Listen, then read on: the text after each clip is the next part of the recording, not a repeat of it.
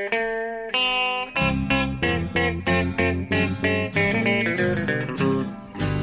out there, we're on the air. It's hockey night tonight.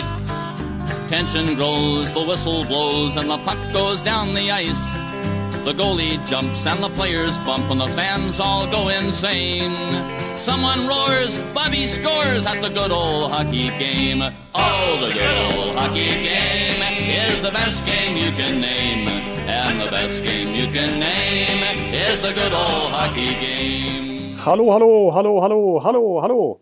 Hallå, hallå, hallå och välkommen till podcast avsnitt nummer 168 Ja. med eh, Mowgli Ekeliv i Stockholm och mig Per Bjurman i New York. Stämmer. Ja, hur står det till? Jo, då, det står bra till. Det står bra till. Eh, Det, det måste jag säga. Nu har man börjat verkligen komma in i NHL. Lunken vill jag verkligen inte säga, utan fortfarande liksom, eh, verkligen spirande. Liksom. Men man börjar komma in i den här eh, dygnsrytmen igen, att man knappt sover något eh, på nätterna och, Ja. ställt om igen. Jo, jag skulle säga att det, det, det är liksom som du säger, det, det fortfarande känns nytt att, eh, att de är igång igen. Liksom. Det är spännande. Eh, Men man har kommit in i, i rutinen lite grann. Precis. Med att det, att det liksom är matcher varje, varje kväll och varje natt. Precis, man, man börjar ta det för givet igen. För första veckan och första två veckorna nästan, då var det liksom så väldigt sprakande. Nu, nu, är liksom, nu är man inne i det här flowet att det liksom NHL pågår. Ja. Eh, Det, och det, det är väl i november som det... Alltså, det, vi, vi sa ju att i slutet av november så börjar serien sätta sig. Men det, är- det, det är då för att då är verkligen NHL-säsongen... Då kan man verkligen snacka om att den pågår och då, är liksom, då gäller det att klara av eh, vardagen. Liksom Ja, eh, på ett mer tydligt sätt. Så att ja, vi kommer ha slutsatser hit och dit i den här podden också. Men vi, redan nu så säger vi att eh, det är fortfarande, även för spelarna, nytt och eh, spännande och roligt. Liksom. yes. ja jag tror det. Det, det. Fortsätter ju vara liksom hända eh, väldigt anmärkningsvärda saker hela tiden också. Eh, verkligen alltså. Det är liksom, förra veckan var vi inne på 10-0 hit och Ja, ja, liksom, eh, 6-1 dit och, och, och märkliga målskyttar och märkliga matchutvecklingar. Och det har, inte, det har fortsatt på den vägen. ja. Ja, det är mycket, mycket liksom överraskande både individuellt och eh, kollektivt i, li- i ligan som händer. Ja. Och, när, alltså kollektivt överraskande. Jag, jag tycker nästan vi, vi, vi tar oss direkt dit du befann dig här den senaste veckan. Generellt sett. För det blev ju en 5-6 dagar för dig i Vegas. Och det var inte vilken Ja. vecka som helst. Det var alltså första hemmaveckan någonsin för Vegas igen. Ja, det blev en hel vecka faktiskt i, i den nya NHL-staden. Och jag såg tre matcher, premiären mellan Golden Knights och Arizona. Och sen Detroit och slutligen en, matiné eh, med Boston. Matiné och matiné, den börjar klockan fyra men, men i Vegas är Ja. det fyra på eftermiddagen väldigt tidigt. Exakt. Och eh, ett här hemma i Sverige. Så man, vi som är vana vid östkustmatcher vid ett tiden ungefär. Det var ju enkelt att kolla på den matchen. Ja.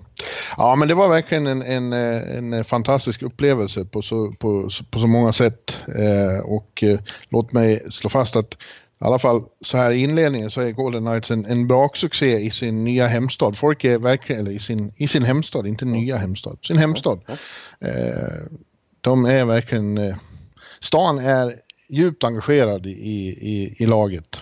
Ja, är det, Direkt. du känner det? Det känns liksom, ja, det känns liksom överallt att oh, Golden Knights. Nu, nu har de också blivit liksom en av institutionerna som hela stan har samlats kring eh, för att helas och, och manifestera eh, efter den här hemska fasansfulla terrorattacken där, eller Ja, massakern. just det, just det. Eh, det var en väldigt eh, Eh, känsloladdad eh, öppningsceremoni där, där, eh, där det, det var 58 tysta sekunder för var och ett av offren och, och, och så vidare. Just det, och namnen på, de, på offren stod ju på isen där, kommer jag såg jag också. Det var, det var en lång ceremoni innan matchen började. Och den var väldigt stämningsfull. Det, det, alltså det var, alltså, vi brukar ju prata om det jämfört med till exempel SHL, vad man är van vid när det är ceremoni här jämfört med USA. Så är så extremt förberett och professionellt och finstämt. Och det var extremt värdigt efter det som har hänt i Las Vegas också. Det var, ja, det var, det var fint att se tycker jag. Den, deras Ja. match speciellt där alltså. Ja, ja det var väldigt eh, starkt. Men sen så eh, även eh, senare den kvällen och, och de övriga matcherna, det var det fantastisk stämning i den där hallen. Den ligger ja. alltså mitt på strippen mellan Monte Carlo och New York, New York. Två av ja. de stora resortsen där och eh, ja, svårt, svårt att ta på riktigt och förklara, men jädrar vilka, vilka fester det blir. Just den där första matchen då, då eh, ja. inledde de ju med ett, med ett brak. Ja, det var ju galet. Fyra mål i första perioden där direkt. Ja, det bara så smack eh, bakom Antiranta alltså. Som vi ja. släppa. Bara efter 5-6 minuter var det ju 3-0. Ja, stämningen där inne då var ju rena liksom playoff eh, någon annanstans man varit med om folk var helt eh, galna över ja, sitt lag. Jag, fick, jag, fick, jag, måste säga att jag fick ett oväntat sms eh, för att eh, du skrev att eh, eh, det kanske var i, i, stundens hetta, men ändå, det säger en hel del om, om vad du kände där, kring den upplevelsen. För du, du, du skrev att, eh, att det till och med slog Nashville 2017. Det vill säga... Ja, ja det var väl att ta i. ja. Det var att ta i, men man blev väl lite eh, medryckt där. Ja. Men det var lika sen, eh, två dagar senare, det kom Detroit till stan. Och då eh, så, så, var det fredag kväll och otroligt mycket Detroit-fans på plats. De har ju dels ett stort följe som åker med dem på matcher men framförallt så har de ju eh, expats som man säger från, från eh, Michigan som bor eh, ute i väst. Alltså det är så, just det. Ja, det är därför de fyller, de fyller alltid läktarna i, i Arizona, i Los Angeles och så. Det, det har ju att göra med den arbetslösepidemi som förr svepte över Michigan så alla höll på att lämna delstaten. Just det, just det. Men de tog med sig sina sympatier. Ja. Eh, och, eh, ja, då, och då åkte ju Golden Knights på sin första förlust då. Men ja. eh, det, det, var ju tvunget att komma någon gång. Eh, ja, det, det hade man förväntat sig att de skulle haft några stycken vid det laget. Ja, men eh, en otrolig fredagkväll faktiskt. Och när jag pratade med Zäta och Gustav Nyqvist och de efteråt så sa de det att det var otroligt roligt att spela där. De, de ville hemskt gärna komma tillbaka och göra det igen. Vilket de ju inte får om de inte möts i final. Och, och det Nej, var kanske lite överraskande. Det, det är bara en eh, västtripp för samtliga östlag ja. per säsong. Så att, ja, det är klart. Men eh, kunde de ta till sig, men eh, liksom kunde ändå den nya Vegas-publiken ändå ja, märkas de... att det var deras hemmaplan. Ja, då, det var ju så här call and response mellan fansen, men, men eh, det där får de ju vänja sig vid därför att eh, som du säger, alla östlag och även många av dem i väst kommer ju att ha fans som, som gör en eh, tripp till Vegas eh, till liksom de gör en weekend av sitt lags besök i Vegas, så kommer det att bli. Det kommer att vara väldigt mycket borta fans där hela tiden. Ja, det, det är det man kan tänka sig. Eh, och det var det jag var lite orolig för också, att det kanske skulle bli så att de tar över. Ja, men absolut, nej, absolut inte bara, långt därifrån. Liksom. Som sagt, det är en, det är en, eh, ett jävla drag kring Golden Knights eh, lokalt. Det bor ju faktiskt två miljoner människor i, i Clark County som Las Vegas tillhör. Eh, det är mer människor än som bor i Stockholm. Eh, men de har aldrig haft ett professionellt lag där i någon av ligorna. Därför att eh, ja, det är ju också gamblingens mecka här i, i USA och eh, sport, eh, sportligornas eh, makthavare har varit skraja för närheten till, till, till just gamblingen. Där ja, det är Eller så är det eh, risken för att den ska korrumpera matcherna. Men, men det har ju lite försvunnit nu i och med att vi, alla kan spela överallt hela tiden som har en dator. Ja, det är inte så centraliserat till just Vegas där allt spel förekommer bara utan det, det är ju en världslig fråga nu för tiden, kan man säga. Ja. Eh, men eh, ja, okej. Men, men, det, ja, men jag har varit imponerad. Alltså man är ju sjukt imponerad över Vegas som lag överhuvudtaget. Så här inledningsvis. Jag har ju svårt att se att, att deras... Jag menar, de toppar ju faktiskt den, den eh, västra konferensen just nu. De har fem segrar och en förlust. Det är den bästa ja. expansion-starten sedan Montreal 1917. ja. Ja, det är ju helt eh, makalöst faktiskt. Det var ju absolut ingen som hade trott. Och, och nu har de då dessutom fått eh, skador på, på eh, nyckelspelare. Ja, Flurry till exempel som var så extremt viktig de första matcherna. Han var ju den som de här två första bortamatcherna var han ju helt makalös. Exakt, då kändes det som att han, alltså han, han, kan, han kan rädda liksom Vegas ära lite grann och fixa några segrar åt dem. Men till och med när han har varit borta nu, när Malcolm Subban, andra keeper i AHL förra säsongen, kliver in så har de tagit två raka segrar. När vi spelar in. Ja. ja. Ja, mot... Ja, Fleur fick ett, ett knä i huvudet mot Detroit där och kanske skulle ha bytts ut direkt men han, han fick... Eh, eh, spela vidare. Och man, med facit i hand så såg det kanske att han, att han inte var så bra då igen. Eh, att han borde kanske ha plockats ut. Men, men ja, Subans bror eh, kom in och ta över och spela fantastiskt bra han med. Mot Boston. Ja, precis. Mot sitt eh, Boston som wavade honom. Det var ju därför Vegas plockade upp honom. Och då blev jag lite överraskad faktiskt att, att de tar honom. För han har inte... Det finns en anledning till att Boston wavar honom. Han har inte riktigt eh, blivit en... Han har varit en halv bass där borta i Boston liksom. Eh, och, och de hade... Vegas plockade ju sin till Calvin Picard från, i expansionsdraften från, från Colorado. Det kändes ju som en bra backup för en, en framtidsmålvakt. Men istället så tradar man honom till Toronto och tar Subban istället. Och så har han börjat så här bra. Åtminstone i alla fall, får man ju ändå säga. Ja. Och i den Boston-matchen får vi säga att till slut så fick Chipachov chansen också. Och Alex Tuck fick chansen. Ja, för att eh, även Haula och eh, Marshy sa, eller hur säger man nu? Ja, Marshy so. Min gamla Tampa-spelare, ja. Ja, eh, de skadades också mot Detroit och då fanns det faktiskt ett utrymme att plocka upp de här som, som det var en sån debatt kring att de inte får chansen för, av, av lönetaks tekniska skäl. Och, eh, och de gjorde ju mål direkt och var eh, ju väldigt bra de också. Exakt. Ja, jag, jag är lite eh, förundrad alltså. alltså.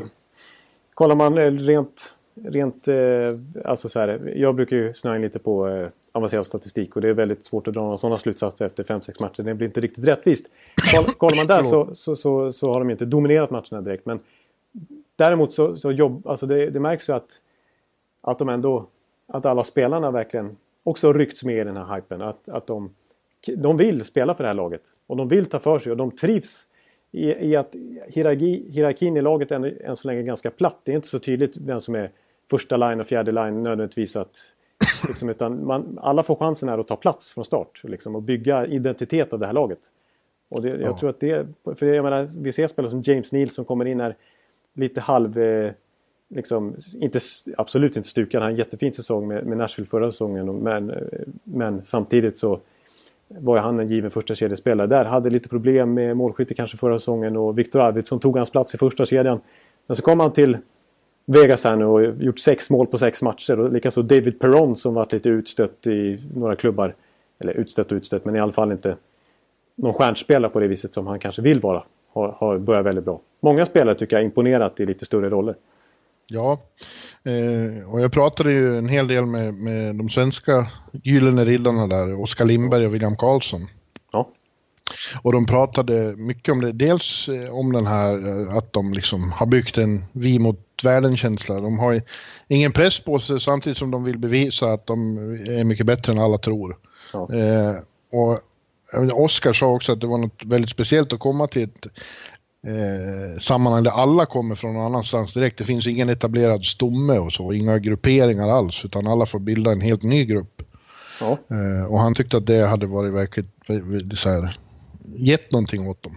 Att det var ja. en, intressant, för det är man liksom inte van med som spelare någonstans ifrån. Nej, det är ju verkligen nytt. Liksom, att, eh, precis, och, och, alla är ju liksom är ju lite andrahandssortering och har blivit lite, känns lite bortvalda från, från den klubb de kommer. Så de kommer med någon slags revanschsug. Eh, mm.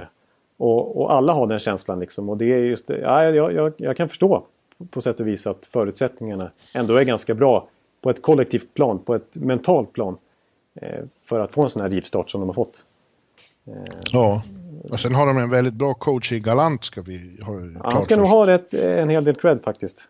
Ja, han har ju fått ihop det här till en riktigt bra grupp som spelar eh, ja, intressant hockey. De har haft lite problem med, eh, ibland i egen zon, att de har tappat fokus och så. Men eh, mestadels så spelar de ju väldigt tajt, eller tätt och liksom klokt eh, i egen zon. Sen kommer det väldigt blixtrande attacker. Ja, ja. Precis. Nej, exakt. Det, det får man, och, apropå just det här med psykologi så alltså, han är, och få upp en grupp så, så var ju han väldigt omhuldad bland spelarna i alla fall i Florida också. De, de ja. blev ju jättebesvikna när han fick sparken. Tyckte att eh, det var inte alls, stod inte alls bakom det beslutet. Att, Nej, precis. Att han, dels så hade han ju lett dem till divisionstitel året innan och dels så hade han verkligen spelarnas respekt. De tyckte om att jobba med honom. Liksom. Ja, jag kan förstå det. Det är svårt att få ett, ett liksom helgjutet intryck av någon på så här kort bas. Men när jag varit på presskonferenser och sånt nu och sett på träningar så han verkar han verkar väldigt sympatisk, galant. Ja, ja. galant coach. Nej, en, en galant. Det är jättekul. Men som ja. du säger, det, det, kommer ju det kommer inte att fortsätta. Vi får igen eh, påpeka som förra veckan att vi är väldigt, väldigt tidigt i säsongen. Eh, alla har över 70 matcher kvar. Mer till, 75. Ja, ja, det är extremt tidigt och folk blir nästan trötta på att vi påpekar oss ofta. Men vi måste nästan göra det extra tydligt i år för det känns som att vi har dragit stora slutsatser flera oktobermånader i rad. Och det, ja. det har nödvändigtvis inte eh, liksom sett så bra ut eh, sju, åtta månader senare. Att, Nej, så. som när Montreal vann tio raka, då satt vi nog här och pratade om att det var sensationellt och att ja, de var precis. fantastiska. Carey Price kommer släppa in 17 mål den säsongen. nu har han släppt in 17, eh, mer än 17 redan nu ungefär. Ja. Men låt, mig, låt oss gissa att han, det kommer inte eh, att ha varit, det kommer inte att gå så här bra. De kommer inte att vinna västra konferensen. Nej, precis. Det, det kommer de inte göra. Men de, de, är nog... De kommer inte... Jag tror samtidigt heller inte att de snart faller ihop till den här slagpåsen vi kanske förväntar oss. Utan det finns pride i, i, hela stan kring det här laget och, och bland spelarna själva. Och just att de har den bredden ändå för att, att, att den här hierarkin inte är så tydlig. Jag tycker liksom tredje fjärde kedjan är ju eh, nästan bättre än många andra lags tredje fjärde kedjor. Eh, och nu har ju toppspelarna faktiskt levererat väldigt bra i början också, typ James Neal. Men eh, så att de, de är inte helt lätta att bara mala sönder. Svepa bort för, för något lag. Utan jag, jag Nej, det är, det är, inte omöjligt att de kommer vara med och, och, och slåss om en slutspelsplats ändå. Vem vet? Nej, precis. Eh, det ska bli spännande att se också Chipasov hur bra han verkligen är när han kommer in i det. För att dels, eh, menar, han har fått träna på egen hand de senaste veckorna för att eh, hålla sig i form och kunna hoppa in här. Och han kan ju inte ett ord engelska knappt i början. Han får använda tolk nere i kata ja. katakomberna där. Och jag hörde... Ja, det såg man tydligt. Det, det fungerade sådär. Det var så? Ja. Jag såg att Alex Tack gjorde något uttalande där. Han som eh, också kallats upp nu och gjort två mål, två matcher i rad. Så spelar med Chipachov. Att eh, liksom, eh, när han gjorde sitt första mål där, Chipachov. Så, så började han skrika åt dem så här. Något glatt. Men då liksom alla medspelare bara Va? För det var, något så här, ja, det var ju något obegripligt ryskt mening han, han försökte kommunicera med. Det gick ja. inte.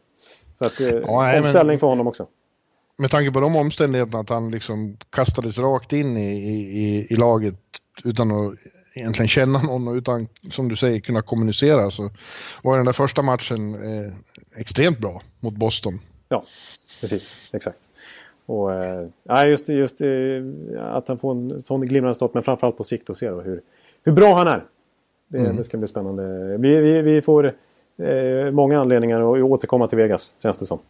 Eh, ja. Men det, det, det, känns som att din eh, första upplevelse av laget snuddar vi nästan 5 plus. Ja, och eh, upplevelsen var storartad även i övrigt. Jag hade eh, ja, du måste berätta lite. fritt vid spelborden och jag fick se Bob Dylan i en enastående konsert. Och, och ja, det var lyckat. Ja, alltså det kanske du inte vill gå in på, men man hade kunnat...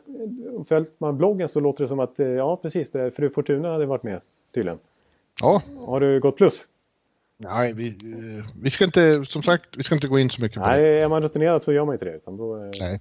Precis. Utan ja, det... bara, vi får nöja oss med att ja, det, det gick bra. Det gick bra. Okej, okay, ja det är bra.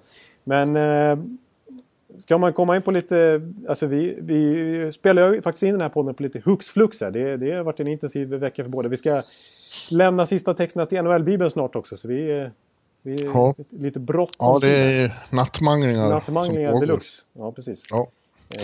Men eh, eh, ja, jag tycker vi kan gå ta två lag som jag såg där som är, är intressanta. Ja. Eh, Golden Knights motståndare och först då Arizona Coyotes som du och jag hade såna, eh, och inte bara vi utan många hade såna förväntningar på nu att nu skulle det bli ett annat eh, Coyotes med ny identitet med, med Tocket som, som coach och massor med unga supertalanger och, och så kallat dödkött borttaget. Och vad hände? De åker, gör sin eh, Ja, det är väl den sämsta starten någonsin och då har de ändå haft några rätt så ordentliga skitstarter. Ja, precis. Ja, det är, exakt. Det har sett allt annat än bra ut och det har läckt in mål bakåt på löpande band Eh, mm. Antiranta har inte fått någon kanonstart och varit lite småskadad. Och Louis Domingue har inte kunnat ta något ytterligare steg direkt eh, där bakom. Och eh, Ekman Larsson och Hjalmarsson har än så länge inte hunnit styra upp på egen hand det där försvarsspelet. Och vi, vi som tyckte det såg så spännande ut. Men eh, en sån som Dylan Strome som ju gick eh, bakom Eichel och Conor McDavid i den draften och skulle vara den tredje supercenten 2015-kullen liksom. Eh, nedskickad till AHL igen. Liksom. Mm. Ja. Eh, det är, och jag som jag var spänd på att se, alltså Clayton Keller har gjort det helt okej okay, men där bakom typ Perlini och Christian Fischer och Dvorak och så vidare. Sådana andra spännande spelare har inte alls eh, sett bra ut. Så att, eh, Nej, jag, jag, de såg verkligen eh, bleka ut får man säga. Oorganiserade och skärrade nästan när de... Eh, framförallt under den där första perioden där. Ja. ja. Eh, och det är, det, är, det som är tråkigt då att som du säger, det, Keller och sådär. Det finns ju extremt mycket ungtalang men de är så orutinerade så för att få ut allt som finns i det där laget hade det behövts lite medvind och lite framgång. Precis. Eh, men nu det har de verkligen inte fått. Nej, exakt. Nu vet de inte riktigt hur de, alltså, hur de ska hantera det här. Liksom, en sån här typ av motgång som de har åkt på nu. Liksom, hur de ska jobba sig ur det här.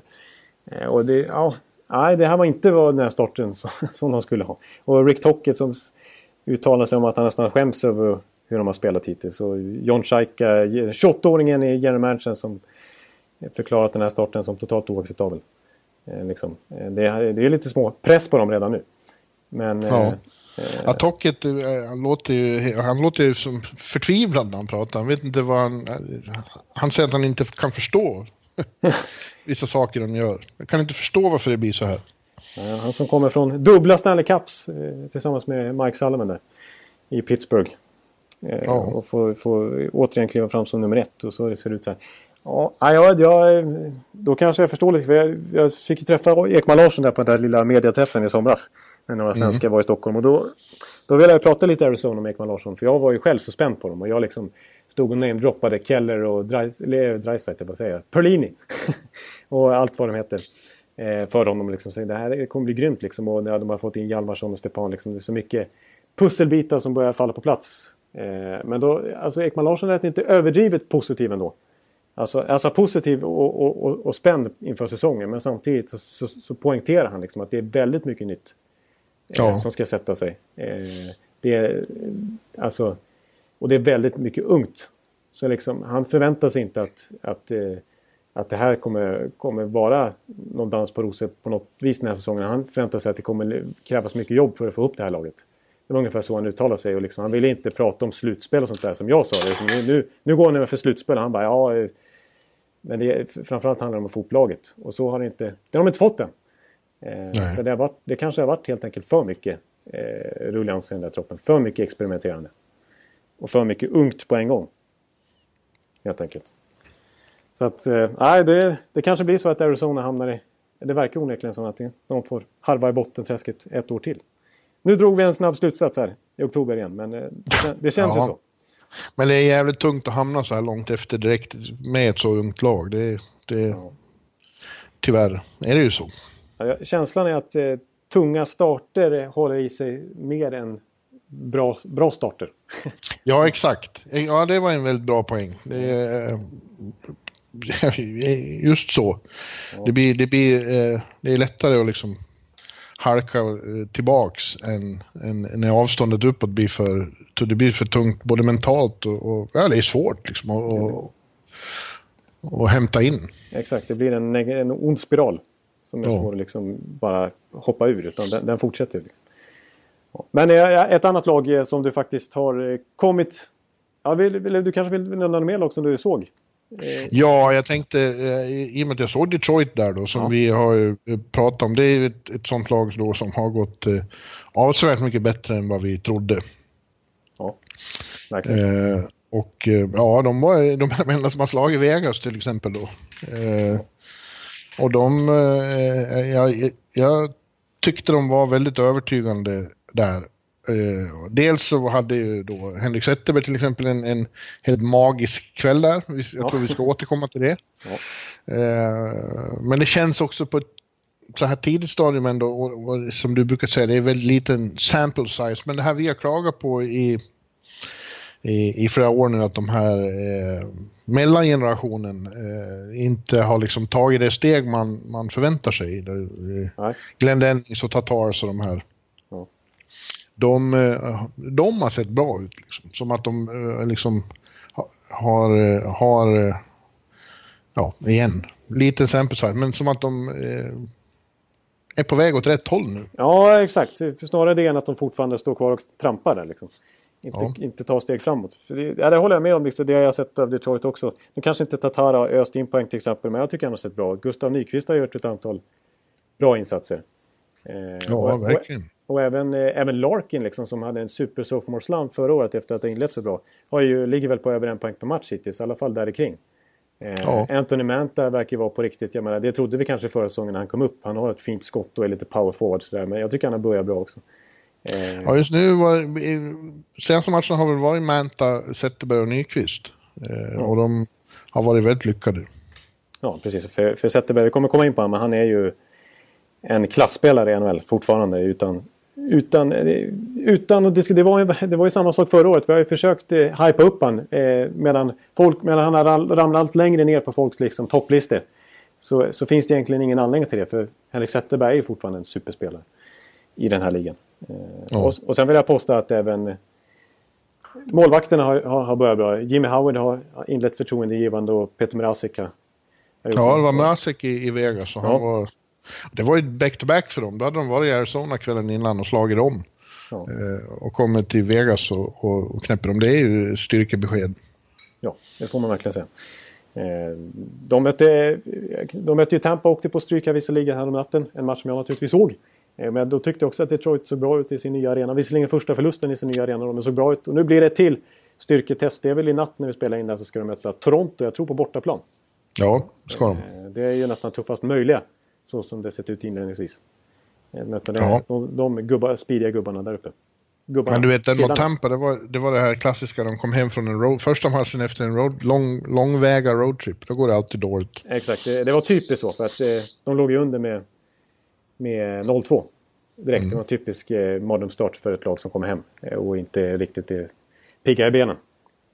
Ja, men de stod i alla fall för en, en, en, en eller de har stått för en överraskande fin start. Exakt, och jag, jag, håller med dig din poäng där kring eh, mellangenerationen också. Jag tycker den nya generationen har sett bra ut, men även den, den som vi har klagat så mycket på har, mm. har börjat eh, förtroendeingivande. Ja, och så verkar Trevor Daley ha stabiliserat upp det lite bakåt i alla fall. Ja, men det har varit ganska bra struktur på deras försvarsspel. Jag tänkte på det mot Tampa också när vi slängde in våran offensiv där med Kutjov som visserligen gjorde mål igen då. Och, Stamkos och Namesnikov och eh, formstarka spelare som Brady Point. Men de är, det var inte helt lätt att snurra upp det där Detroit-försvaret. Utan det, det börjar Blashill få lite bättre ordning i alla fall på, på här, sitt system där. Mm.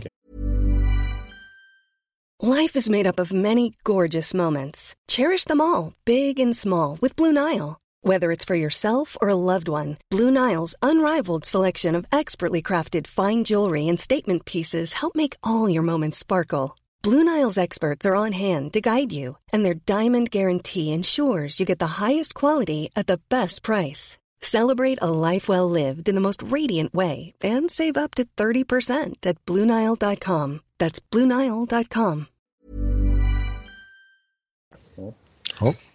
Jaha, vad har du något mer? Det finns ju många att prata om. Ja, det, exakt. Det finns ju extremt många lag man skulle kunna ta upp. Men eh, men ett, ett lag som du var hemma och såg nu, som vi måste, vi måste ta upp, alltså, det är inget snack om det. Eh, för att eh, det kan vara så att, att Alain Vigneault, New York Rangers tränare, är den som, i alla fall enligt sin egen fanbase, ligger närmast att få sparken.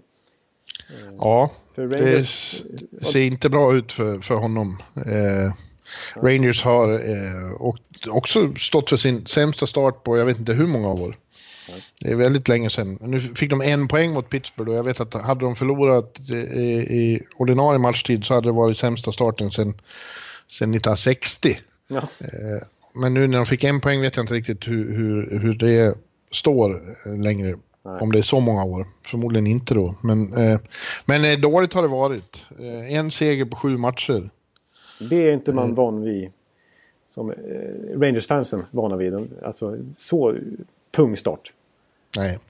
Och han har ju varit ifrågasatt eh, tidigare och han är ifrågasatt nu och det är stor risk att eh, ja, om det fortsätter, om de inte vinner, de har New York Islanders hemma imorgon, om de inte vinner där då tycker jag då börjar det bli riktigt hett. Ja, för att, och jag tycker det är befogad kritik. Alltså det, det är lätt att skylla på tränaren när det går dåligt. Alltså, eh, så är det naturligtvis. Och det, visst, man kan, alltså, ja. I det här fallet tycker jag att, att Alain Vigneault fattar lite märkliga beslut ändå. Alltså det, det, det, alltså, och det är ju alltså, sådana som Tobias Pettersson och, och Rangers som vi känner till här i podden. Eh, extremt gnälla över just nu. Alltså deployment som det heter på engelska. Alltså hur han matchar laget. Mm. Alltså på, framförallt på backsidan nu. Förut var han ju van att ha Girardi av alla då naturligtvis. Ja. Eh, som, som spelade med Ryan McDonough. Och det var tydligt shutdown-par som han älskade. Eh, det kan man säga vad man vill om. Men ändå. Det var en tydlig struktur där bland backparen. Nu har han ingen aning om vem, vem han ska sätta bredvid McDonough. Hur han ska deploya sitt eh, försvar överhuvudtaget. För att det var en kul tabell jag såg. Över, hur, över offensiva kontra defensiva zonstarter bland backarna. Och ena matchen så är Kevin Shattenkirk använd som en defensiv back, får starta väldigt mycket defensiv, i defensiv zon. Nästa back, ja då testar Vigneault och kör, nej han är offensiv, då får han 80% offensiva zonstarter. Ja, nu nästa match då får han 20% offensiva zonstarter och är någon slags defensiv back. Och det gäller generellt sett alla backar, även McDonough.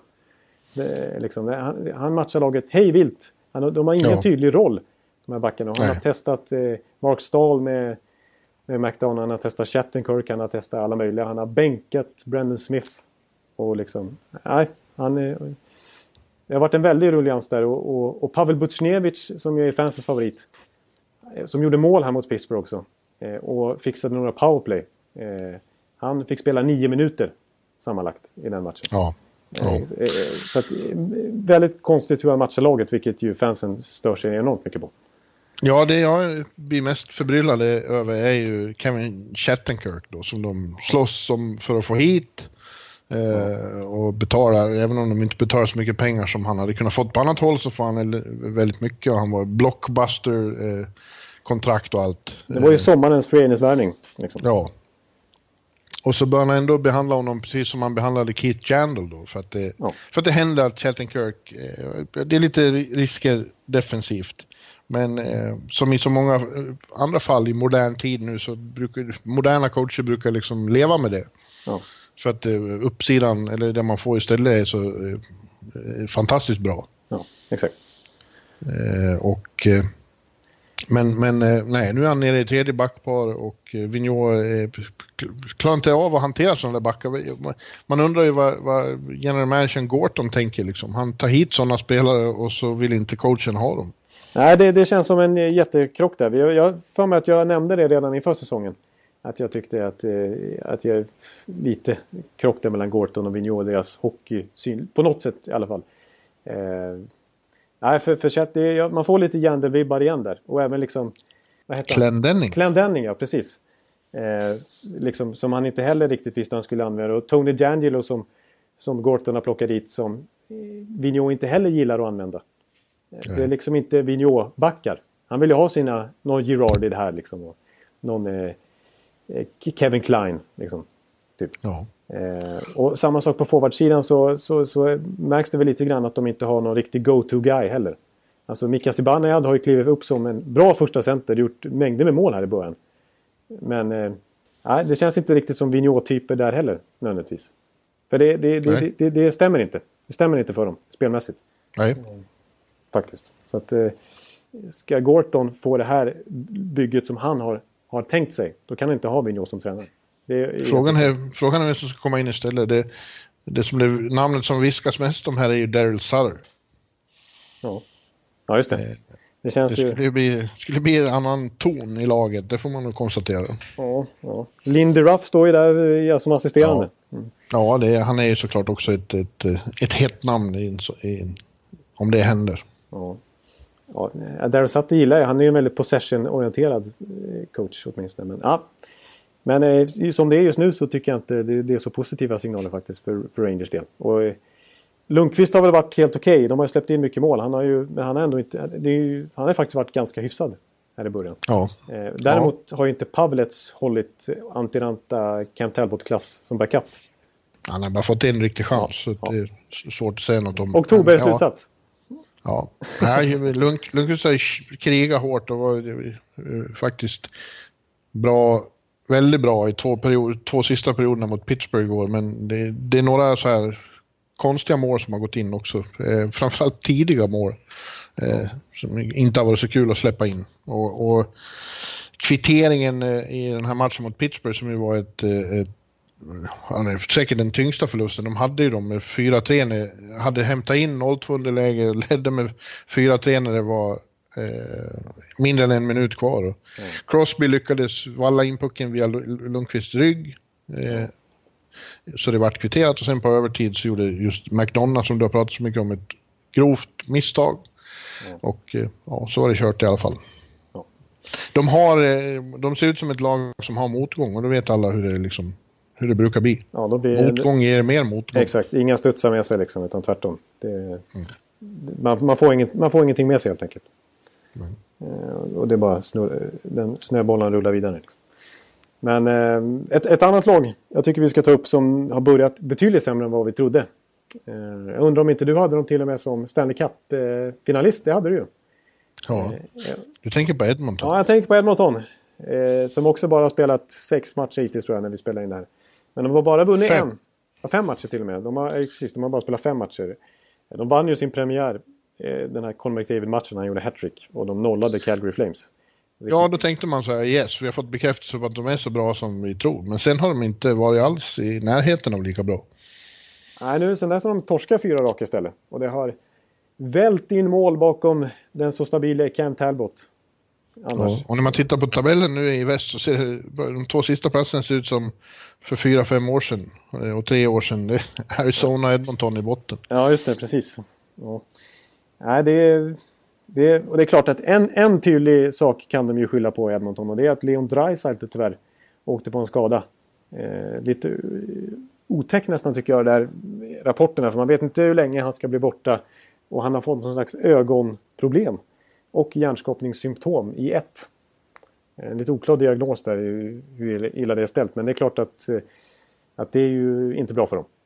Nej. Eh, för att det tycker jag man har sett på det här Edmonton-laget när de varit så dåliga. Vi ska inte dra för stora slutsatser naturligtvis. Men de har haft extremt dålig secondary scoring efter Conor McDavid. Liksom. Eh, de, de har inte klivit... Nu har McDavid har inte gjort lysande start Han har faktiskt inte gjort några mer mål sedan den där premiären. Men han har ändå varit bra. Ja, men vad är, vad är anledningen till det? Jag har inte hunnit se så mycket Nej. av Edmonton mer sen dess. Nej, men det har varit eh. rörigt. Det har inte varit bra försvarsspelet. Det, har, det är klart att Kent Talbots och inte ens Laurent Brossois, han fick hoppa in, gjorde inte bättre. Han hade 76 procent den natten han fick hoppa in och, och spela en match. Eh, släppte in fem mål han med. Det har varit rörigt i försvaret. Eh, det har sett ut lite som det gamla Edmonton ja. före McDavid-eran. Eh, och, och liksom, ja, alltså nu när det... Liksom Ryan Nugent Hopkins, återigen liksom inte den här eh, franchise-spelaren som han, han, han draftade som en gång i tiden. Och eh, Milan Lucic har inte kommit igång. Det är en sån här, sån här som klev fram i slutspelet förra året, Zach Cation. Och, och, och såna här killar har ju inte liksom... Och det är klart att det kanske man inte förväntar sig heller, men de har, de har inte fått någon secondary scoring. Eh, när inte McDavid eh, levererar när Dreisaitl var skadad. Eh, och så har ju faktiskt inte backarna börjat så bra heller. Alltså André Sekera är ju skadad här borta en lång period. Och Klevbom eh, står på noll poäng och, mycket, och Adam Larsson likaså. Men... Eh, eh, så att det, det, har inte, det, har, det har varit virrigt. Och till deras försvar till exempel, alltså Klebom och Adam Larsson till exempel. Som säger en hel del om deras secondary scoring på forwardsidan. Så tror jag inför Carolina-matchen här om natten så, så var det faktiskt tre backar som hade skjutit flest skott i Edmonton bortsett Conor McDavid. Så det säger en hel del om hur lite forwards har levererat. Liksom. Hur kalla mm. de har varit. Så att det... Nej. Eh, virrigt har det varit och nu ska de åka på en roadtrip dessutom. Kanske bra för dem att rensa tankarna lite och bara tänka på hockey. Komma bort från pressen i Edmonton. Säker, säkerligen. Eh. För det var besvikelse hos en fanbase som som har utgått från att nu är, nu är happy days igen. Ja. Jag undrar om det är lite den här psykologin som jag återkommer till så ofta som jag kanske överskattar lite som jag nämnde i Vegas-sammanhanget lite grann som kanske visar sig lite på ett motsatt vis för Edmonton. Att de har gått på lite grann den här hypen kring sig själva. Att Att, ja. att, alla förväntar sig att de ska vara ett superlag i år, att det ska liksom lösa sig av sig själva. De har ju Conor McDavid så det kommer ju gå hur bra som helst där. Men, ja, det är lite som Tampa i fjol. Ja, faktiskt lite grann. Eh, så, och det här får inte rulla för långt nu. Det är som vi säger, en dålig start är ändå ganska jobbigt att ta sig ur. Så att den här roadtrippen är ganska, ganska avgörande för dem faktiskt. Ja. Eh, och Todd McLellan har lite bevisat som coach nu här att, att sätta det här försvarsspelet. För det framförallt har sett väldigt virrigt ut. Systematiskt, inte bara på individuell nivå utan kollektivt. Det måste en, en tränare kunna eh, styra upp bättre. Ja. Att, det har varit en besvikelse. Ja. Fler? Ja. Los Angeles går väldigt bra. De har inte jag hunnit se så mycket heller. Nej. De är ett västlag som har bara befunnit sig ute. Men de, de eh, jag tror att du innan vi startade sa att de har fått bästa starten någonsin. Ja, precis. Alltså, de har aldrig inlett med fem matcher utan en förlust under ordinarie tid. De står på 4-0-1 i sitt record hittills. Det, det har de aldrig gjort förut. Eh, och det som är väldigt positivt för, för Kings det är ju att eh, deras gamla garde som de förväntade sig skulle leverera förra säsongen, som de alltid har gjort och inte gjorde då, har gjort det nu på de här första fem matcherna. Eh, jag menar en sån som Ansek Kopitar, han är väl uppe på åtta poäng och har varit extrem game winner här i början. Eh, Drew Dowdy har varit nästan lite såhär Norris Trophy-nivå igen. Eh, och liksom, han gjorde ju till och med ett short-handed mål här om natten. Eh, och framförallt, och Jonathan Quick i kassan har ju varit jättebra igen. Men framförallt, den största överraskningen de första fem matcherna i Los Angeles Kings och i hela västra konferensen nästan. Det har varit, hör och häpna, Dustin Brown. Som, ja. Eh, som tog slut liksom. Och som de gjorde allt för att dumpa till Vegas men inte ens de ville ta emot hans kontrakt eh, trots eh, luktaktiva anbud. Han har, han har liksom har varit, varit positivt överraskande av i Kings-lägret till och med på campen för då tyckte man kom in som en... Alltså, han såg liksom sporrad ut och lättare ut i kroppen. Och liksom, den gamla Dustin Brown dök upp på campen helt plötsligt. Eh, och han har ju börjat den här säsongen med... Han, är, han har också gjort över en poäng på matcher i början och avgjort några matcher och skjutit lika många skott som Conor McDavid till exempel. Eh, inga jämförelser i övrigt mellan de två men, men eh, det gamla gardet i Kings har, har fått en enormt mycket bättre start i år jämfört med hur det såg ut förra säsongen. Ja. Så det är positivt för dem. Måste jag säga. Fint för dem. Ja. Eh, ett annat lag jag tycker vi kan ta upp på, på det positiva planet det är ju ett lag som både du och jag var väldigt osäkra på inför säsongen. Eh, jag tror till och med att du slängde ner dem under slutspelsstrecket och jag hade dem precis ovanför. Men hittills så är de med i toppen av tabellen igen. John Tortorellas Columbus Blue Jackets. Ja, verkligen. verkligen. Eh, de, ja, de leder Metropolitan före New Jersey. Ja. oväntad utveckling, får vi säga. Ja, det, det får vi säga. New Jersey å sin sida tycker jag fort, gjorde en till bra vecka. Vi snackade ju om mycket förra veckan och då, jag tyckte, nu såg jag dem mot Tampa. De slog ju Tampa till exempel den natten. Eh, det såg bra ut. Alltså Ja, det, är, det är ett helt annat lag än vad det har varit på väldigt länge. Ja, det är ett helt annat lag än det någonsin har varit rent eh, hockeyideologiskt. Ja. ja, precis. Så det är bara spirar av ungdomlig entusiast. Jag tyckte Bratt ser fortfarande bra ut. Han har inte tonat ner än utan att han lyser fortfarande energi liksom och jobbar stenhårt. Ja. Eh, och är ju skicklig liksom. Men Columbus så, så, så jag tycker jag att eh, den här kedjan som både du och jag trots våra frågetecken kring Columbus eh, såg fram emot att se. Det var ju den med Panarin, Wennberg och Kem Atkinson. Det känns ju som en mm. superkedja. Ja. Eh, inte för att de har totaldominerat här i början men de är uppe på en poäng på match allihopa och varit instrumentala onekligen för, för uh, Jackets start här. Och sett jättekul att titta på. Jag tycker Panarin har kommit in jättefint där. Uh, och sen måste jag säga att det här backparet de har med Jones och Wrensky, det är ju kanske ligans, kanske inte ligans bästa. Men ett av de absolut bästa. Det är det bästa av de yngre backparen, ja. helt klart. Ingen snack om saker. Jag tyckte det var så kul att se häromnatten när de mötte Winnipeg Jets. Där de liksom, de kommer i princip i en två mot etta och gör mål. Alltså, ja. de, de, är så snabba på isen och så rörliga så att de de, de har inga problem med försvarsspelet men de kan lika gärna vara längst fram i offensiven också. Jag förstår mm. inte hur de klarar av det. Eh, men eh, jag är imponerad också av John Tortorella, måste jag säga. Han som vi fullständigt dömde ut och vi har konstaterat många gånger att vi har fått eh, be om ursäkt lite grann där. Till honom för att vi fullständigt grävde ner honom nästan efter World Cup. Men hans hockey är ju jätterolig just nu. Alltså är, han har kvar den här blåställsmentaliteten att man ska jobba järnet, jobba häcken av sig. Och han är stenhård i båset fortfarande liksom. Men de spelar med en ruggig speed alltså. Det är ju modern hockey trots allt. Ja, eh. ja han, har, han har liksom anpassat sig till nya tider. Eh, både hockeymässigt och eh, även eh, liksom i sin attityd känns det som. Han är som du säger, han är fortfarande en, en, eh, ett badass. Men ja. inte, inte lika liksom kolerisk och okontrollerad som han var för några år sedan. Nej, precis. Han, han, han, han, han tillåter ändå individuell kvalitet lysa igenom. Eh, ja. Liksom, han bänkar inte folk som gör bort sig. Utan, men han har fortfarande hårda krav naturligtvis och står och manar på i båset. Eh, så ja. det är ruggigt, alltså det, I den här Jets-matchen som ju i sin tur var ett väldigt modernt lag tycker jag med speedkulor som Ehlers och Line och, och liksom en del mobila backar som Morrissey och ja, ja backsidan är kanske deras stora styrka. Men de, de, de vill ju spela en snabb, fartfylld, kontringsinriktad hockey. Men de blev verkligen nedmalda på hemmaplan av detta Tortorella-lag. Eh, ja. De orkade inte stå upp och de fick iväg uppåt 40 skott, eh, Columbus, på bortaplan i sin roadtrip. Liksom.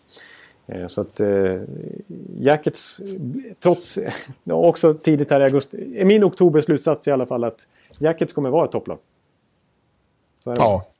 Det, det, ja, det, det, i, i deras fall så är det svårt att se något annat. Det är svårt att se att de, de, de frågor man hade om dem har besvarats. De fanns inga farhågor för det. Eller fanns ingen grund för farhågorna. Nej, nej, nej precis. Och, och liksom... Eh, nu är bort oss igen.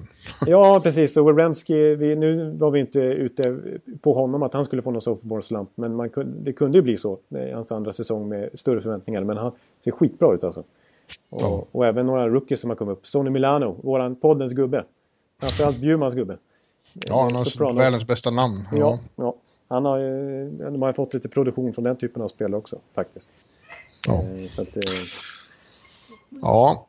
Frågan är Men du, vi måste ju nämna också faktiskt, eh, och nu får du väl prata en hel del om Ettan i östra konferensen är i Tampa. De har ju minst sagt fått en bättre start än vad de fick i fjol.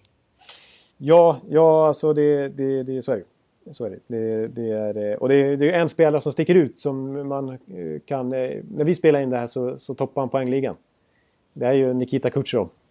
Ja. Eh, gjort mål i alla sju matcher hittills. Eh, minst ett mål. Han gjorde två uppe i Detroit dessutom. Eh, och, ja, vad är det som har hänt med honom då? Ja, men han, alltså han var ju, alltså jag vill påstå att han gjorde en jättefin säsong förut också. Han kom ju upp i 40 mål då. Och, eh, ja, men det såg inte ut så här i början. Nej, nej precis. Nej, nej, exakt. Alltså jag vill påstå att på något vis sen kalendern slog över till 2017 så har han bara... Alltså han har, han har växlat upp en nivå till. Eh, och hans skott inte minst. För det känns som att han har liksom programmerat in i sin klubba att varenda skott ska sitta upp i krysset. Hur snårig vinkeln än är eller hur trängd han än är.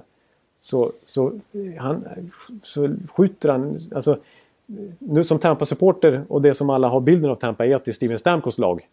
Och att det är han som är stora målskytten. Men ja. nu när de har parats ihop så har det faktiskt högst oväntat, eh, som man hade trott för något år sedan i alla fall. Så är ju Stamkos den som står på två mål och tio assist. Och Kutjov som har gjort åtta kassar och är the go-to guy när det kommer till att göra mål. Så här inledningsvis åtminstone.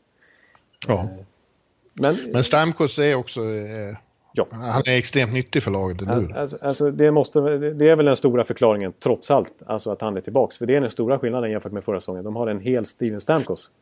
Som spelar med Kurt, som, som spelar överhuvudtaget. Och det är ju... Ta bort honom och Tampa skulle inte ha toppat den här konferensen. Eh, det är inget snack om det. Utan det faktum att de är hela och friska, även en sån som Ryan Callahan. Nu är nödvändigtvis inte han någon stor poängproducent, men han är en stor pådrivare i laget. Och eh, kommer in och bara tokkör här i början eftersom att han är, inte spelade på mycket förra säsongen och är toksugen igen. Eh, så att, att de är skadefria är naturligtvis den stora anledningen och att Stamkos är tillbaka. Så att det, för Tampa, jag menar förra säsongen skulle var ju tredje gången gilt. Det var då de skulle vinna Stanley Cup. Men så åkte de på alla de här skadorna och så sket sig totalt. Men nu är det fortfarande ett väldigt, väldigt bra lag de ställer på benen. Eh, med, med revanschlust dessutom, med ett annat mindset. Ja. Då, då, är det ju ett bra lag. Det, även om jag är väldigt subjektiv i det här eh, sammanhanget så tror jag att alla lag som har stött på Tampa hittills i säsongen kan konstatera att det är ett skickligt motståndargäng att ställas mot. Ja, ja visst. Du tror på en konferensfinal mellan Tampa och Columbus nu? Ja, jag måste, vi, vi slog ju fast i vårt sista avsnitt innan podden att vi måste försöka försvara våra ursprungstips. Och mitt är ju Pittsburgh. Ja, ja de är också... Utan att spela på sin topp topphockey ännu så ser det ju helt okej okay ut för Pittsburgh med. Det, det, tycker jag med. Och framförallt ett annat lag som vi trodde mycket på inför säsongen som har skjutits ut ur en kanon här i början. Det är ju Toronto. Alltså jag tycker ja. Toronto blir svåra att slå också. Ja, särskilt som eh, Fredrik Andersen är väldigt bra när, när resten av laget någon enstaka kväll inte, inte eh, går på alla cylindrar. Nej, precis. Andersen har väl haft någon, någon halv match här i början också. Men, men när, de, när, han behövde eh, stå, på, stå på huvudet så gjorde han det mot Washington och höll nollan. En svår bortamatch. Ja, ja stängde igen där. Det är storartat. Ja. Men då, då måste vi nämna eh, några saker här också, apropå Washington. Det, det, det har varit eh, faktiskt lite oväntat. Två svenskar som har, har droppat handskarna här i början. Eh, bland annat en Washington-svensk som är, inte Niklas Bäckström, däremot eh, André Burakovsky fick för sig att kasta handskarna och börja slåss. Ja. Eh, mot New Jersey så, så var det Dimitri Orlov som blev lite fult eh, trippad där nära sargen av, av var det Blake Coleman tror jag. Och då skulle Burakovsky börja veva mot honom. Eh, det är ju en eh, ärrad eh, AHL-fighter, eh, Coleman, så att han åkte på lite spö där, svensken. Men eh, eh, ja, han, han stod upp i alla fall. Tidiga Orsi sa att det var matchens höjdpunkt. Ja, alltså. ja, han, för, ja, men jag har sett hans pappa Robert slåss i Leksand back in the day så, ja, eh, på isen. Du är inte helt förvånad? eh, eh, nej, men André är ingen, ingen slagskämpe men, men ibland hamnar alla i situationer det, det blir så. Ja, alltså slagsmål. Eh, alltså det, det, det, måste man ändå säga så. Det har ju mer än halverats sen de senaste tio åren. Alltså det är hälften så många slagsmål nu i dagens NHL. Och det är väl bra för att vi har ju ändå kunnat konstatera alltså hur, hur många spelare som har påverkats negativt efter karriären efter att det har gått några ronder eh, per säsong. Liksom. Det, är mm. ju, det, är ju, det, är ju, det är ju våld mot huvudet trots allt. Ja visst, eh, ja det håller på att försvinna. Dessbättre, men ibland blir det liksom eh, de här uppgjorda fighterna är väl på väg bort men, men, men ibland blir det ju så hett liksom så det är utbyte därför. Ja, och det, det, går inte att komma undan, undan alltså, när man är på en NHL-match.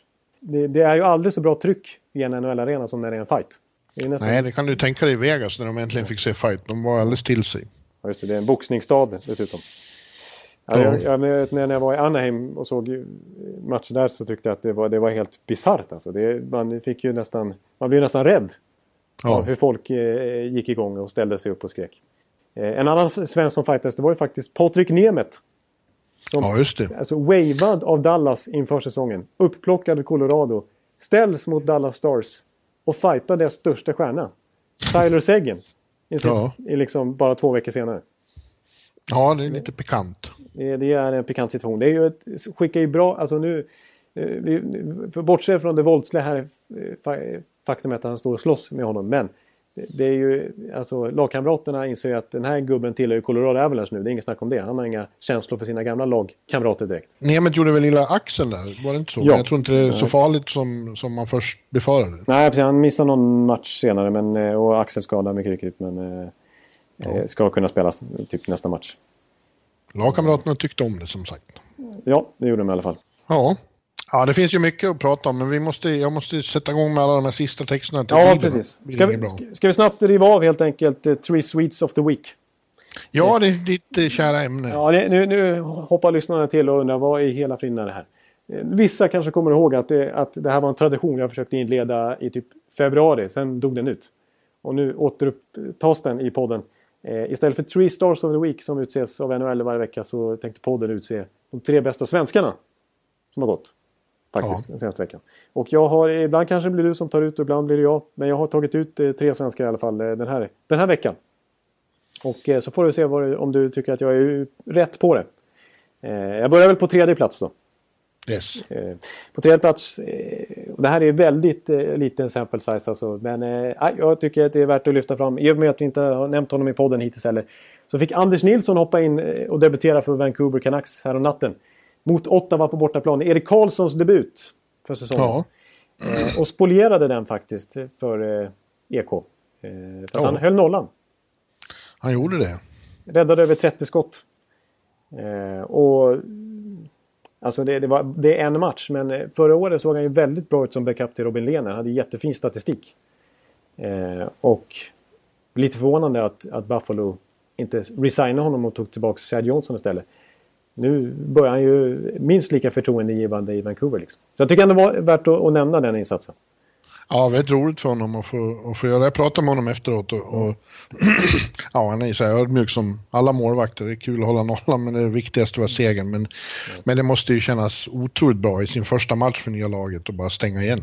Ja, precis. För att eh, hans svenska kollega där, Jakob Markström, som ju är uttalad första keeper här ibland, som, som har lön för det också. Han skrev ju ett ganska fint kontrakt för något år sedan när, eh, när Ryan Miller var klubben. Redan då bestämde sig för att nästa år ska vara Markströms år. Han har fått en lite tuffare start faktiskt. Det kanske blir Anders, Anders Nilssons lag det här till slut. För jag, ja. jag tycker han börjar förtjäna chansen mer och mer att, att börja stå lite mer matcher. För att, eh, han, gjorde, han, han hade ju väldigt många fina insatser även förra året som sagt. Han är stor som bara den. Eh, Anders Nilsson. På andra plats, då har vi han som vi redan varit inne på. Henrik Zetterberg. Ja. Eh, framförallt baserat på den här eh, Vegas-matchen när han gjorde fyra poäng. Men han har faktiskt gjort sju poäng på sex matcher hittills den här säsongen. Och sett väldigt bra ut i alla Detroits matcher egentligen. Ja, han är 37 år gammal och känns som att han är 5-6 år yngre än vad han var för någon säsong sedan. Ja, ja det, det, det, det är konstigt alltså att, att han... För att visst, men, men han kanske inte har det. Det kan vara de där ryggproblemen och alla skadorna han hade. Absolut, som, som absolut. Han får... Ja, men som gjorde att, man tappar, att, att man tappar lite bilden av honom. Men nu syns ju inte skymten av det. Nej, inte bara att han eh, inte behöver spela skadad. Han, han har ju de senaste två åren kunnat eh, eh träna som vanligt på somrarna. Förberett sig som han inte har kunnat på flera år dessförinnan. Eh, och det har ju helt uppenbart ett resultat. Han har en eh, extremt bra tramp i fötterna och eh, ja, däremot i, i Vegas slog han några passningar som liknade ingenting. Nej, nej. Det, det, det, måste understrykas den är, den är sätta så att han, han, det finns inga ålderstecken i hans skridskoåkning. Alltså visst, han är inte snabbast på isen men han är inte långsam på något sätt. Han hänger med väldigt, väldigt bra. Och så har han ju, han är fortfarande liksom, hans spelsinne är ju elit, elit liksom. Ja, alltså, den här förmågan att, att skydda pucken ja. när han har den. Liksom. Precis, alltså sargdueller att vända åt rätt håll hela tiden så att han skapar sig tid för sig själv och sen kan titta upp och slå en jättebra passning. Alltså, ja, han det... kommer inte åt honom. Nej, alltså han... Nej, han är verklig katalysator för, för det här Detroit som gör att de förmodligen inte kommer att ha någon... Alltså att de, kan, de kan hålla i ett hyfsat spel ett tag till. Alltså. Det, jag menar att, att ta en Zetterberg i den här formen är eh, väldigt, väldigt positivt. Så, ja. så bra igen. Men på första plats. Då ja. är det dags att lyfta fram eh, en spelare som vi inte har nämnt överhuvudtaget i avsnittet. Eh, jo, jag har nämnt honom en gång när jag, när jag pratade om Burakovsky. Då råkade jag namedroppa nummer ett på listan. Niklas Bäckström. Ja. Eh, faktiskt. Eh, som ju ligger precis bakom eh, Kutjerov och Stamkos i toppen av poängligan tillsammans med sina fellow Capitals eh, toppspelare där. Kuznetsov och Ovechkin. 11 poäng hittills, Bäckström. Ja, väldigt starkt.